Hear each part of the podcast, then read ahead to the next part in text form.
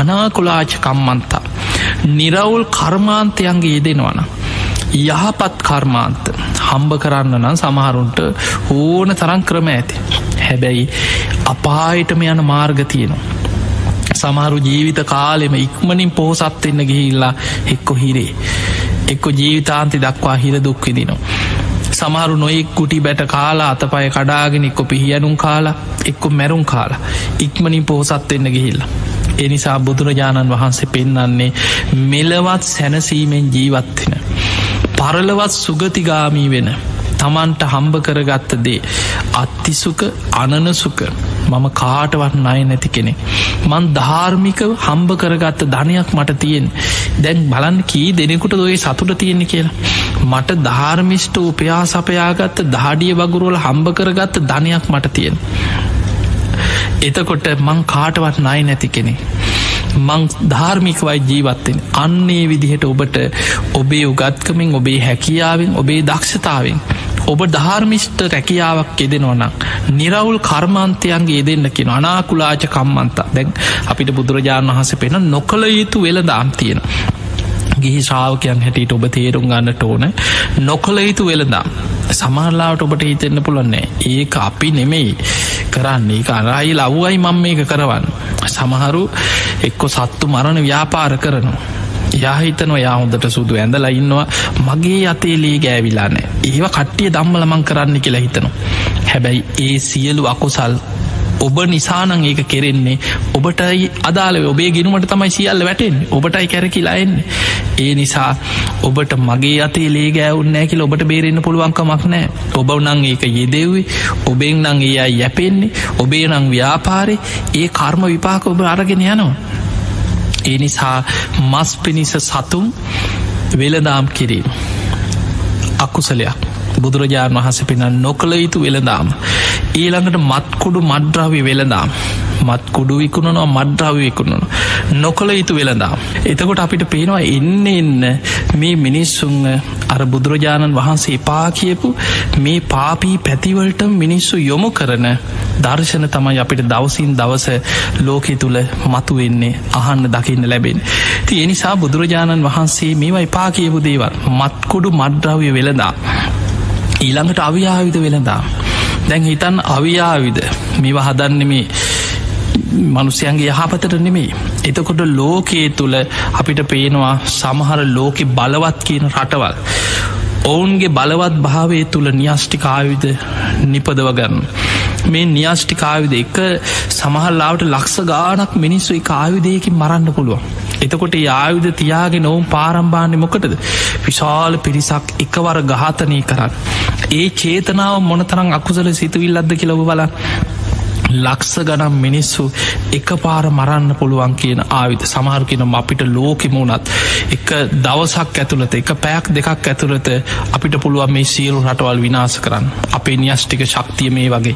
එතකොට ලෝකයේ ප්‍රබලවයි කියන රටවල් මේ අවියාවිද හරහා ඊළඟට අවියාවිද වෙළදාම හරහා සමහර රටවල් රටරටවල් අතර අරබු දැති කරනවා අවුලවනවා ඒ අතර නොයෙක් ශස්ත්‍රවාදී කණ්ඩායන්වලට ආවිධ දීලා ඒ රටවල් අතර යුද්ධ සකස් කරන දෙපැත්තටම ආවිධ ටික විකුණගෙන ඔවුන් ඒවැන් ඒ රටවල් පොහොසත්වෙන එතකොට මේ වගේ ලෝක අපිට දකින ලැබෙන වර්තමානය බොහෝ රටවල් වල මේ යුද්ධ පසු පස ආවිධ විකුණාගන්න ආවිධ වෙළදාම් පවතිනවා.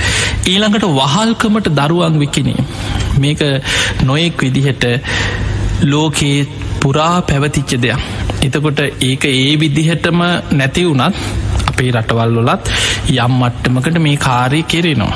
එතකොට මේ විදේශ සේවේ නාමෙන් සමහරලාවට ගෘහ සේවේ නාමේ නොදන්නවා වුනාට කෙරිලා තියෙන අන්තිමට මේ හා සමාන දේවල්. ඒ නිසා අපිට පේනවා උගත්කමක් මත රැකියාවක් ගන්නවට වඩා සමහර වෙලාවට ඔවුන් ගිහිල්ලක් ගුටි බැට කාගෙන වහල්ලු වගේ අන්ත දුක්විඳගෙන සමහර අය එන්නේ පෙට්ටිය එන්නේ සමහරුන්ට ඇන ගහලා උනු අතුරනාවල නොයෙක් වදදීලා අසරණකම නිසාම ගිහිල්ලා තවත් දුකට පත්වෙලා කබලෙල් ලිපට වැටෙන වගේ අන්ත දුක්විඳලා නොයෙක් රටවල්ල රැකියාවල් හොයාගෙන අසර නම්මලා අපිට පේනවා ඉන්දියාව මොන තරං අගහිකං ඇති මිනිස්සු ජීවත් වනත් ඉන්දියා වගේ රටවල කාන්තාවන් කවදාවක් ගෘහසීවිට යවන්නේ පිරිමියා තමයි යවන්නේ ලෝක ගිහිල් හම්බ කරගෙනන්න ඒ කාන්තාවන්ට ඒ කාන්තාවක් හැටියට ඒ ගෞරෝණීය ස්භාවී රටවල්ල ඇති කරලා තියෙන හැබැයි අපේ රටවල තමන්ගේ බිරිඳ රස්සාාවට යවලා ඒ සල්ලිටි කරගෙන ස්වාමිය බීල බීල නැත්තට නැති වෙනවා. පවුල් පිටිං විනාසේන එක්කො බිරිඳ දුක්හිඳල දුක්හිඳල එනකොට තාත්ත එක්කො දරුව දූෂණය කරලා පවුල් විනාස වෙලා ගෙව අර එවපු සල්ලිත් නෑ මොනුවත් නෑ පවුලත් නෑ ජීවිතෙත්ත එතකොට අපිට පේනම් මේ වගේ විශාල විනාසවලට පත්වෙලා අද මේ තුළ ජීවිතේ ගොඩනගාගත් අයට වඩා විනාස විච්චායි තමයි අපිට වැඩිපුර දකිින් අහන්න ලැබෙන්. ඒ නිසා බුදුරජාණන් වහන්සේ නොකළ යුතු වෙළදාම් හැටියට පෙන්වා. මේක දරුණුවටම තිබිලතියෙන අතීතේ. ඔබ දැකල ඇති සමහර රටවල් මිනිස්සුන්ග සත්තු වගේ අල්ලගෙන සමහල්ලාවට දංවැල් දාලා බෙල්ලට අත්වලට දංවැල් දාලා අරගෙන ගිහිල්ලා මිනිස්සුන්ට ගගහ සත්තුන්ගෙන් වගේ මිනිස්සුන්ගෙන් වැඩගන්න.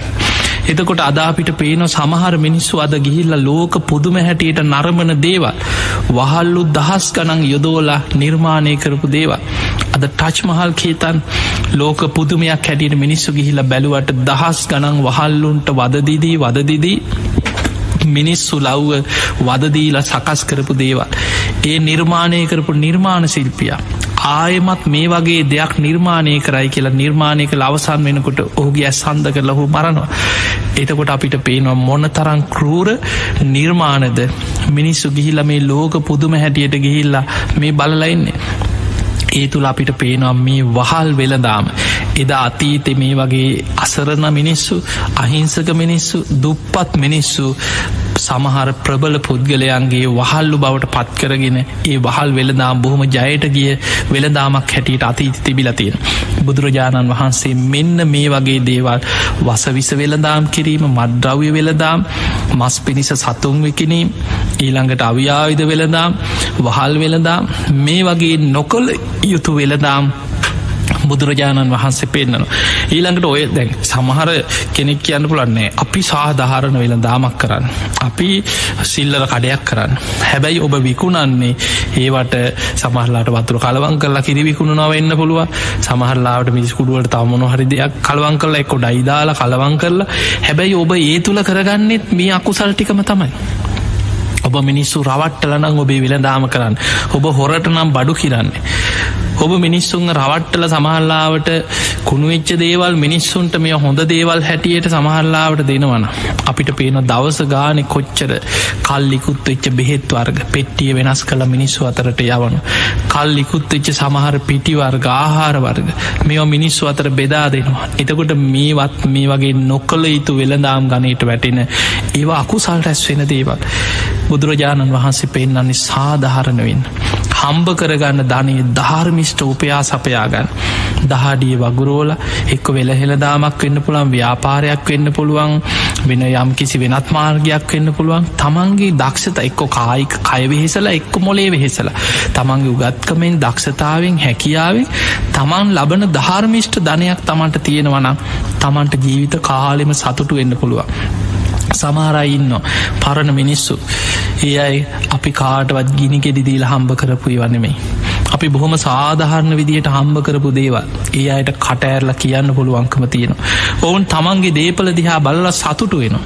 හැබැයි හොරකං කරලා වංචාවල් කරලා ලෝකයාම සමහර වෙලාවට ඔවුන් මොන විදිහට වැජබිලා ඉන්න උත්සාහ කරා සමහල්ලාට මොන තරම් වටින යානවාහනවල ගියත් රත්තරං ගාපු මාලිගා හදාගෙන හිටියත් මිනිස්සු දකින දකින තැන සාප කරන මේ අහිංසක මිනිස්සුන්ගේ සල්ලි මුන්ට නම් හොදක් වෙන්නේ ඔය විදිහට මිනිස්සු සාප කරන ඒ පුද්ගලයාටවත් සැනසීම ජීවිතේ සැනසීමක මැරෙන්න්න බෑ.